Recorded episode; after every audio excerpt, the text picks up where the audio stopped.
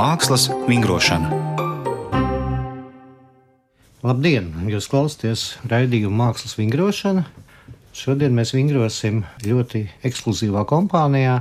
Pie mums ir eh, Latvijas Mākslas muzeja kuratore Elita Ansone un eh, mākslinieks Artūrs Virtmans.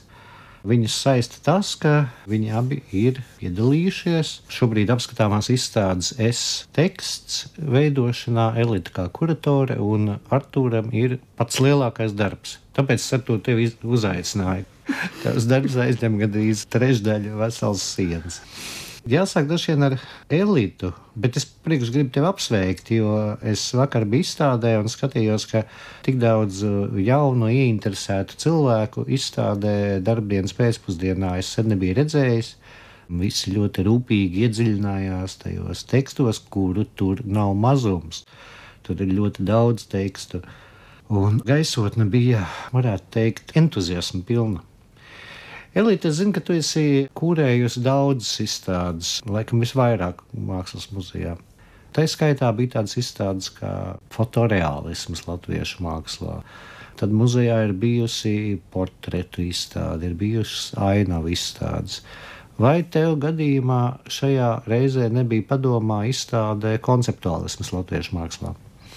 Nē, man nebija padomā tieši konceptuālisms, jo par konceptuālismu mēs saucam te jau vai visu kopš 80. gadu beigām Latvijas mākslā, un līdz ar to parādīt visu šī perioda mākslu būtu neprāts.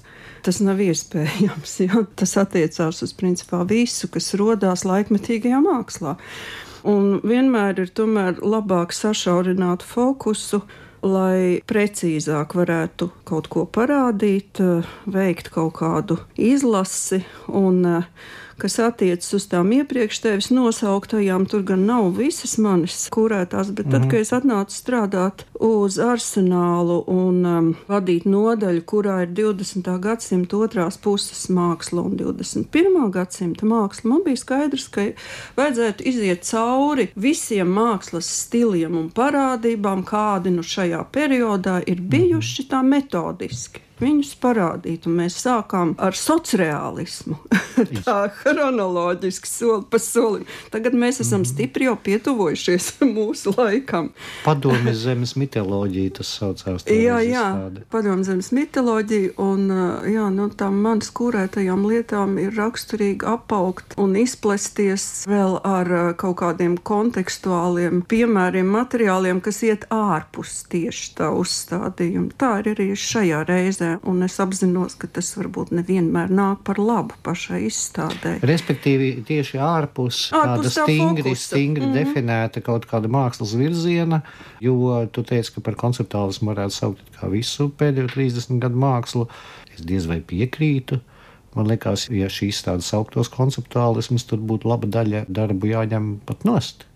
Jā, bet uh, es jau saku, ka vienmēr tas konteksts tiek paplašināts, un arī šeit, piemēram, šeit fokus ir uz lingvistisko konceptuālismu, uz teksta izmantošanu mākslā, kas, protams, ienāk 60. gadu vidū, un ar to arī sākās konceptuālisms. Ar šiem slavenajiem darbiem, kur košuts izstāda krēslu, krēslu fotografiju, krēslu definīciju enciklopēdijā un arī ar grupas Art and Language dibināšanu, žurnālu. Faktiski tas ir idejas attēlojams vārdos. Savā ziņā neapšaubām tā izstāde ir saistīta ar konceptuālismu, bet tomēr fokusējoties tiešām, kur teksts ir vizuāli arī izmantots šajā mākslā, un teksts ir gan forma, gan saturs. Un arī pie mums mēs varam atrast jau no 60. gadiem tiesa gan vairāk arhīvos materiāls, kur ir redzams, piemēram, Glušenkovam, kur ir redzams, ka mākslinieks interesē tieši idejas mākslā, un viņi, viņas arī cenšas vizuāli aprakstīt, izmantojot arī vārdus teiksim, rūsiņš rozīti, nu, tas jau pavisam attiecās, lai arī mēs sākotnēji skatoties kaut kādā citā kontekstā teikt, tas ir popārds. Nu jā, bet ar to, kas te apaug un neatiecas uz šo lingvistisko konceptuālismu, būtu tie padomju mākslas piemēri, kā piemēram Tur bija tā slaucēja. Roberta Tilberga Jā. sociālistiskā darba varone, vai Pauļuka Felicits portrets ar avīzi cīņa rokā, vai arī Borisa Bērziņa māksla. Būtībā nu, tas nebūtu saucams ne par kādu konceptuālismu, bet nu, teksts tur ir izmantots, un jau visu 20. gadsimtu diezgan daudz tekstu ir ienākuši kopš Jā, modernismu. Pastāstīšu klausītājiem, kas neredz, ka Vladimiram Gluševkovam tur ir izstādīta vesela rinda dienas grāmatu vai tādu īpaši veidotu grāmatu ar zīmējumiem un tekstiem. Un ļoti žēl, ka mēs nevaram viņus visus pāršķirstīt, jo liekas, ka tur ir ļoti daudz kā iekšā arī tāds mākslas manifests. Un uh, Rūsiņš Rozīte ir arī reti redzēts un slavēts mākslinieks, kuram ir tādas burtu un skaitļu ciparu kombinācijas faktiski attēlotas gleznieciskā veidā. Es tagad gribētu attūram jautāt, tu esi ienācis mākslā jau tad, kad eh, klasiskais konceptuālisms jau ir eh, senais kalniem, un mēs varam runāt par tādu postkonceptuālisma ēru. Cik lielā mērā tevi ir ietekmējis tas īsti vēsturiskais virziens? Um, vai arī patiesībā es esmu daudz strādājis ar tekstiem, bet uh, es galīgi sevi neredzu kā konceptuālistu. Es teiktu, ja man kaut kā sev formāli būtu pie kaut kā jāpieskaitās, drīzāk tiecas pie kaut kādiem simbolistiem. Bet um, kas ir svarīgi priekš manis ar tiem tekstiem? Man interesē, kas notiek ar tekstu, kad viņi nevar izlasīt. Kas notiek ar tekstu, kad viņš izskatās kaut kādā vienā vai otrā veidā? Kas notiek ar tekstu, kad izmaina viņa kontekstu? Ja? Man interesē tā vizuālā daļa. Un uh, nevajag arī aizmirst, protams, ka jebkurš teksts ir arī simbols, vārdi ir simboli. Un uh, tādā ziņā mēs visi operējam ar šiem simboliem kaut kādā mērā. Nu, man semiotika teikt, ka katra burta zīme ir simbols. Jā, nu, un atsaucoties uz leģendu, tad iesākumā bija vārds. Jā, man interese ar tekstiem plaša, bet viņa sakņojas vairāk kaut kādā popkultūrā nevis mm. semiotikā vai konceptuālismā. Bet es negribētu piekrist, ka tam tekstam īsti nav nozīmes šajā konkrētajā darbā. Tas ir ļoti konkrēts teksts, un jā, es teiktu, ka tas ir konceptuāli. Tu slavenu laikrakstu virsrakstu deformē, sagāz uz grīdas, un kāda tur bija tā ideja. Šī gadījumā, protams, ka tur ir tas konceptuālais slānis tajā darbā iekšā, taču Šī gadījumā es strādāju ar uh, slaveno avīzes New York Times tekstu. Kas man interesē, ir tas, kā šie šrifti, ja, ja burtu izskats, ietekmē to jēdzisko, to ziņu, ko tas teksts nes. Vienkārši patiesībā man kaut kāda fascinācija ar to New York Times šriftu, ar to kaut kādu gotisko nezinu, gandrīz tādu mītisko iespaidu, ko tas atstāja uz pasauli. Un pie tam jāņem vērā, ka New York Times ir viena no tām institūcijām, kas formē masu apziņu. Un ne tikai Amerikā, bet visā pasaulē. Un tas ir tas, kāpēc man gribējās tieši ar šo tekstu vai šo šriftu strādāt. Tieši tā, ņemot teiksim, tā augstākā līmeņa tādu informācijas institūciju un to viņu logo, deformējot un izlaižot caur tādu entropisku gaļas mašīnu manā galvā. tā gaisa mašīna ir manā galvā. Es gribēju redzēt, kas notiek, kāds ir tas efekts. Tieši redzēt to potenciālo destrukciju, deformāciju un arī kaut kādu melanholija, kas ar to saistīta. Mm -hmm. Es atgādināšu, ka tas darbs tapa laikā arī, kad uh, tieši sākās tā saucamā informatīvā krīze, vai mēs iepazināmies ar viltus ziņu vai tādiem jēdzieniem, šī ļoti stabilā un uzticamā mediju vide tika pakļauta lielai kritikai. Bet tālāk man jāsaka, elitā. Es vakar satiku izstādē filozofu Igoru Gubenko, kas teica, ka par pēdējiem laikiem ļoti maz kritisku darbu Parasti šie teksti tiek izmantoti, lai kaut kādā veidā kritizētu pastāvošo iekārtu, apkārtni un tā tālāk. Tas latviešu tekstu izmantojums ir tāds poētisks, es teiktu. Nepiekritīšu viss. Izstādē ir uh, radīti desmit jauni darbi. Dažus es nosaucu. Nu, bet tur par aini. Nu, kas tad tur kritisks? Vispār uh, Vikai Ekstai tā ideja izauga no, viņai bija tādi darbi, kur viņa Raņa dzējoļus emoģiju zīmēs mēģināja uzrakstīt. Mm. Un uh, šeit bija ideja turpināt šo emoģiju valodu, arī izmantojot Raina dzēju kopotos rakstus, bet eh, tā ideja transformējās laika gaitā, un no tā emoji ir palikusi tikai Raina dzējā bieži lietotais vārds saule kurš ir uh, eksponēts uz sociāldemokrātus simbolizējošas, jā sarkanās krāsas. Un šie kopotie raksti, kas ir izmantoti instalācijai, visi ir ņemti no utilizētās literatūras, ārā izmestajām grāmatām. Darbs sauc Gals un sākums, jā, viss šis ceļš no Raņa idejām un saules simbola līdz mazām simboliņam, kas jau ir sarucis līdz tādai emociju zīmītei, jā, un arī tā literatūras dzimšana un viņas izmešana mēslēnē es domāju, ka šis darbs ir ļoti kritisks. Nu, es vismaz tā to redzu. Mm. Vai arī Krišam Salmanim šīs divas izsaukuma zīmes, kas karo viena ar otru, jā, tādas nu, jau semiotikā balstītas darbs. Nu, bet jā, tā taču šīs... ir poētiska metafora, cik vien metaforiska var būt elite. tu gribi ļoti, ļoti niknus, negantus, bet mēs jau aizmirsām pieminēt Artūra darba nosaukumu, piemēram, kas varbūt vēl Piemini. kaut ko pasaka. Fucking Times. Jā, nu, ar to nosaukumu ir tā, ka nu, patiesībā tam darbam ir divi plāni. Jā. Mēs priekšējā plānā redzam ļoti tādu uzkrītošu, agresīvo New York Times logo, kurš gan nav burtiski paņemts. Viņš ir tā tāds brīvi pārzīmēts, teiksim, tā interpretēts. Bet tad fonā ir uh, siena ar uh, bezgalīgi daudz nelieliem ar roku rakstītiem tekstiem, Tur ir tāds, tā tāds kontrasts starp to institucionālo dižo times, un tad ir tie mazie, tas cilvēcīgais laiks. Un būtībā viss tā siena sastāv no bezgalīgiem tādiem skribelējumiem, kur ir great times, amazing times, terrible times, fucked up times, nu un tā tālāk. Vai tā kā to cilvēcisko emociju gammu, kas saistīta ar vai nu domāšanu, vai nu komunikāciju par dzīvi, par laiku, par realitāti tad tālāk eksistē tajos mazajos skribelējumos. Un um, tas nosaukums pienes zinām ekstātisku sašutumu par pasauli un eksistenci kā tādu. Es tagad uh, mēģinot no galvas atcerēties profesoru Taureņa grāmatu par konceptuālismu Latvijā.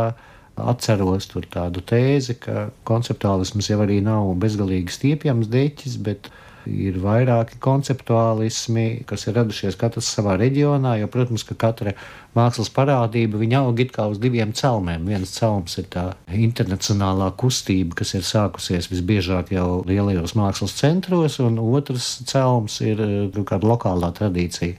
Elīte, kā tu varētu raksturot to lokālo tradīciju, kā latviešu mākslas saistībā ar tekstu ir attīstījusies un līdz kam nonākusi? Nu, redz, tu jau pats pieminēji šo vārdu poetisks, tu teici. Jā. Ja? Un mums jau ir tas jēdziens, poetiskais konceptuālisms, kas 80. beigās šķiet tika ieviests, vai arī varbūt vēlāk, kur uh, Jo ir kaut kāds tāds jēdziens, kā latviešu dvēseli, ja, kas, kas, kas ir ļoti poetisks. ļoti poetisks. Tad eh, nu, tā pasaules sajūta, izjūta, ja viņi ir mhm. saistīti. Tur Dievs deva darbs apmēram tādā mērcē. Un tas pats jau tad arī ir laikam jāsaka par to, kur ir izmantoti teksti ja tev pašam likās, ka nav nekā kritiska, ka tas viss tā ir. Nē, es citēju Igoru Gubenko. Skaidrs. Nu, lūk, tad es to uztveru pietiekoši kritiski, bet, nu, laikam formas ziņā mēs esam estēti, un tur tā estētika arī rada to iespaidu. Tam nav mazsvarīga nozīme, ne tikai saturiskais vēstījums varbūt nav ļoti agresīvs. Atsevišķos gadījumos, teiksim, NVJ mednē ir māte mauka. Nu, tieši tekstuālā veidā rakstīts, vai, piemēram, Kristianam Brektam. Piedod, uh, vairs Man liekas, ka tur ir svarīgi, gleznots. Viņai tomēr tā ir rīktīgi gleznots, tas nav vienkārši rakstīts. Jā, jā gleznots. Tas kā gleznots teksts, vai ne? Tas arī ir jā. savādāk. Un tad ir uh, Kristiānam Brektam uh, ar uh, latviešu viss slikti. Krievu, Ar krievu alfabētu, jā, Kas man burtiem. savukārt atsauc uzreiz turpat salikās kopā ar Andru Brežas 90. gadu, kur ir nebojāsim latviešu valodu, laikam ar vienu krievu burtu. Man likās, ka, nu jā, Brekte nav daudz tālāk ticis, kad šī apspēle jau ir ar garu bārdu. Bet par to poētismu runājot, vai tu varbūt saskati tur kaut kādu arī saistību ar to, ka laikā, kad pasaulē dzīvo un attīstījās konceptuālisms, mēs jau nemaz tā, brīvi nevarējām izrunāties. Un visur bija zemteksti, un visur bija mājiņi, un visur bija tēli tekstu vietā. Un to, manuprāt, Gvido Kajona fotografijas, piemēram, ļoti labi atspoguļo. Jā, jā, tas noteikti ir atstājis kaut kādu iespaidu, bet es pieņemu, ka tomēr tā paudze, kas piedzima pēc 90. gadiem, uz viņiem tam nevajadzētu būt atstājušam iespaidu. Taču, nu, piemēram, Krišjāņa Elvika darbs Now is not the right time, kas man pašai ir nu, viens no tuvākajiem izstādes darbiem tieši tā vēstījuma ziņā, jo to es dzirdu šo te nogaidošo gļēvo, vienmēr tādu piesardzīgo latviešu pozīciju, sociālos, politiskos jautājumos, institūciju dzīvē. Es to dzirdu ik uz soļa. Es to dzirdu savā praksē. Jā. Tagad nedarīsim, tagad nav īstais laiks. Pagaidīsim, paskatīsimies, ko citi saka. Es to Jā. zinot, zinot Krišjāņa, teiksim, līdzinājā daļradas to arī kaut kā atkal politizēja saistot ar Stambulas konvencijas ratifikāciju Arī- vai geju laulību atzīšanu. Ar, ar, ar, arī, jā, un es to vēl atkal paplašinu jau uz tām savām pieredzēm, un tāpat laikā tas darbs ir ārkārtīgi miermīlīgs. Viņš ir eh, izmantojot tā kā ederašs, apmēram to stilistiku, jā, tāds debesu zilais fons, nu tāds pilnīgi tāds bezsvara, jā, tas darbs ir. Bet tas teksts man personīgi, viņš liekas ļoti daudz ko pasaka par latviešiem. Un Es nezinu, vizuāli, un vizuāli tas pat izskatās kā tāds miermīlīgāks divīnas Artūra. Jā, mēs starp citu ar Eliku par to pat pieminējām. Kaut kā, ka tur ir zināma. Bet ar to es zinu, ka tu jā, daudz izmanto tekstus, bet tu arī izmanto ļoti dzīskus tekstus vai poētiskus. Tev ir eh, iemīļotie dzinieki, rakstnieki. Jā, man interesē strādāt ar kaut kādiem tekstiem, kas man ļoti uzrunā, kas būtu, teiksim, dzīsli teksti vai filozofiskie teksti. Bet uh, tie parasti manos darbos pārvērst par pilnīgi nesalasām putu. Jo tāds ļoti vienkāršs vingrinājums, piemēram, jā, iedomājies dzējoli, kas tev ļoti patīk, un tu viņu uzraksti, teiksim, tūkstots reizes. Un tu raksti viņu virsū, nu, tā kā tam tam mašīnai. Kas notiek ar tavu apziņu viņu rakstot? Jā? Mēs zinām, kā atkārtojot vienu skaņu, daudzas reizes mēs pazaudējam skaņas jēgu. Jā? Man interesē tas process, kā tā jēga sāk uh, tā kā izzust caur to atkārtošanu, caur to mantrisko kaut kādu procesu, un kā uzrodas kā cita veida struktūra, gan vizuāli, gan arī nu, izpratnes, apziņas struktūra. Tas ir runājot par tiem dzīskajiem tekstiem, bet, piemēram, man bija viens darbs, kas ir bāzēts bībeliskajā tekstā, kas paredz uh, Babilonas bojāju. Un, uh, tur man bija pilnīgi cita interese. Man gribējās uztaisīt savu versiju, man liekas, pirmajam grafitī, kāds vispār pasaules vēsturē pieminēts. Jo tas ir stāsts par ķēniņu Belšazaru. Kā viņa pilī dzīru laikā parādās roka un skribelē tekstu uz sienas. Un teksts ir sen aramiešu valodā, nu, teiksim, mūsdienu kaut kādā izrunāts, izklausītos mene, mene, tekelupharsin, kas patiesībā nozīmē, man liekas, nomērīts, nosvērts, iztiesāts vai kaut kas tāds. Īstenībā tas stāsts nav baigi svarīgs, bet viņš tā kā ieskicē mazliet, kas notiek ar tekstiem, lai viņam palīdz saprast tekstu. Bet mans teksts ir uzrakstīts tā, ka viņu nevar izlasīt. Tā vai tā, tu redzi, ka tas ir teksts, bet tu nevari viņu izlasīt. Nu, redzot, tāda ir tā spēle. Un tas teksts pārvērš par tādu milzīgu melnu ogles mākoni, kas kā tāds tumšs paredzējums karājas virs mums acu priekšā, jā, levitē. Tas bībeliskais stāsts jau ir tāds, ka apskaidrotais Daniels pastāsta, izlasa to tekstu un saka, nu, ar jums ir cauri. Pēc trīs dienām asīriešu armija noslauka pilsētu no zemes. Jā, mēs um, runājam zīmīgā laikā. Jā. Man ir jāatgādina, ka jūs klausāties raidījumu mākslas vingrošana. Un uh, šodien mani viesi ir uh, mākslas kuratore Elita Ansone un mākslinieks Artūrs Virtmanis. Mēs runājam par izstādi Es teksts. Man jāatzīmē, Elita, ka nezinu, vai tā ir tava vai līdzkuratora Leonarda Laganovska ideja papildināt izstādi ar tādu vēsturisku artefaktu, tieši šo ķīļrakstu, manuprāt. Nē, rozets akmeni. Rozets akmeni, jā, jā rozets akmeni piedošana, kas man tā kā sasaucās tagad ar Artūru teikto. Un tas savukārt ļoti sasaucās ar Jūra Boiko tekstiem, kas nu ir tīrs konceptuālisms 80. gados. Vai mēs varam vilkt nu, kaut kādas tās ģenerālās līnijas šajā izstādē? Izstādē neapšaubāmi, ka ir tādas mērķiecīgi veidotas arī grupas. Pieļauju, ka viņas varbūt ne katrs varēs mhm. nolasīt mm -hmm. šīs grupas. Bet Rozetes akmeni pieminot patiesībā viņš ir svarīgs tieši tās konceptuālismu vēstures sakarā, jo tad, kad eh, francūzis Šampaljons atšifrēja šo te tekstu, senēģiptiešu valodā, kas ir rozēts akmenī rakstīts, tas ir likumu kodeks, likumu krājums. Tad uh, Džozefs Košuts bija sajūsmā par šo atklājumu. Tas par, ir viens no konceptuālismā pionieriem. Jā, un uh, viņš pie Šampaljona mājas veidoja gigantisku uz ielas pagalmā, gigantisku arī rozetes akmens apropriāciju uz, uz milzīgām plāksnēm, mm -hmm. rakstot šo tekstu. Mums veiksmīgā kārtā ir kopija mūsu ārzem mākslas muzeja kolekcijas ietvaros. Un tad to arī gribējās eksponēt. Bet uh, burtiski pēc izstādes atklāšanas Gundags Trautmann, kas raksta disertāciju par kodējumu mākslu uzrunāja un vērsa uzmanību vispār uz šādu vēlēšanos, tad terminoloģisku apzīmējumu ieviestu. Man liekas, ka tā kodējuma māksla vairākās vietās te izstādē ļoti labi noderētu kur ir, eh, piemēram, Georgam Šenbergam tādā apziņas plūsmas veidā pierakstītas zīmes, vārdi, ko nevar izlasīt. Es domāju, arī Artūra pierakstu, kas pazūd, tas ir tāds kots, ja, kas tā kā izzūd. Es mm. domāju, tur mums tāda grupa. Mm. Arī Borisam Bērziņam, manuprāt, ir tā, ka jāsasprindzinās, lai viņi pierakstus atšifrētu. Ja iedziļinās, var. Nu, tomēr viņi vairāk strādā kā vizuāli. Jā, elementi. bet faktiski es drusku novirzījos no tava jautājuma, bet tās grupas, kas mums veidojās, ir arhīvu māksla. Mani interesē tieši tie senākie piemēri, kur jau teksts tiek apzināti mākslas darbos izmantots. Tur ir Boiko un Lediņa vizuālā dzēja, tur ir pieminētais Georgs Šenbergs, Marks Lušenko dienas grāmatas, tad valda aboliņa meilārds arī. Ja. Nu, man tā kā pētot to parādību, vienmēr gribas jo senākus, jo tā kā vērtīgākus tos piemērus izrakt. Ja. Tad, kad tiešām arī sāka veidoties vispār mm. konceptuālisms.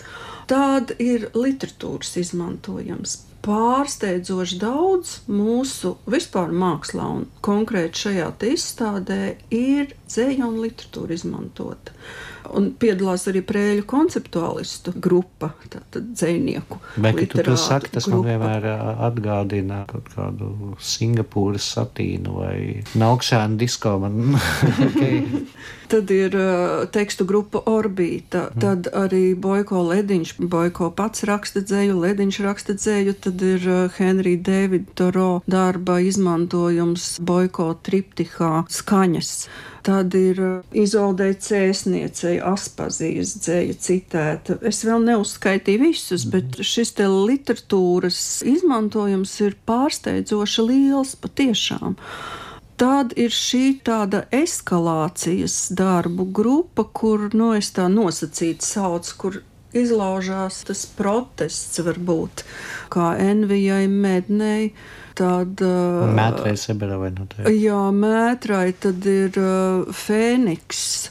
Brīnišķīgs ekspresionists. Brīnišķīgs, ko patiesībā neviens nepazīst. Nu, tāds tā kā līdz galējai emocionālai robežai sakāpinātais stāvoklis, kad kaut kāda ideja. Un tad ir kaut kas pavisam maigs, kā šie gobelēni, ne, batikas. Tie ir izšuvumi. Izšuvumi. Izšuvumi zaigai Jā, jā, putrāmai, zaigas kas ir putrāms tāds, izšuvumi.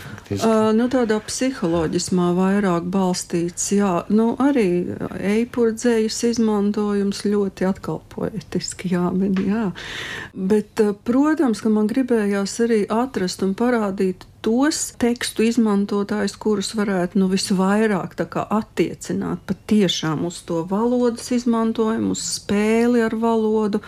Un noteikti, ka otrs kurators, Leonards Laganovskis, tāds ir. Mhm. Valoda ir tieši materiāls, ar ko viņš strādā. Gan vārdu forma ir ļoti būtiska. No 80. gadu vidus viņš tiešām ar to nodarbojas. Un, un Andris Breže šajā izstādē pilnībā. Nu, Labi, ka tu viņu pieminēji, jo man taisnība liekas, ka tādā ļoti lielā daļā darbu teksts ir izmantots kā redimēts, kā gatava ņemta viela, ap kuru ir audzēta tā, tā vizuālā substance. Un varbūt mazāk ir teksti, kurus būtu rakstījuši paši autori. Nu, ja mēs neminam šos dziniekus un Andri Breži, kurš ir gan dzinieks, gan mākslinieks. Artur, vai tev izdevās visu izstādi apskatīt? Nē, īstenībā es taisos doties vēl, vēl vienu reizi. Kaut kā ir kāds spilgts iespējas, ko tu varētu nokomentēt.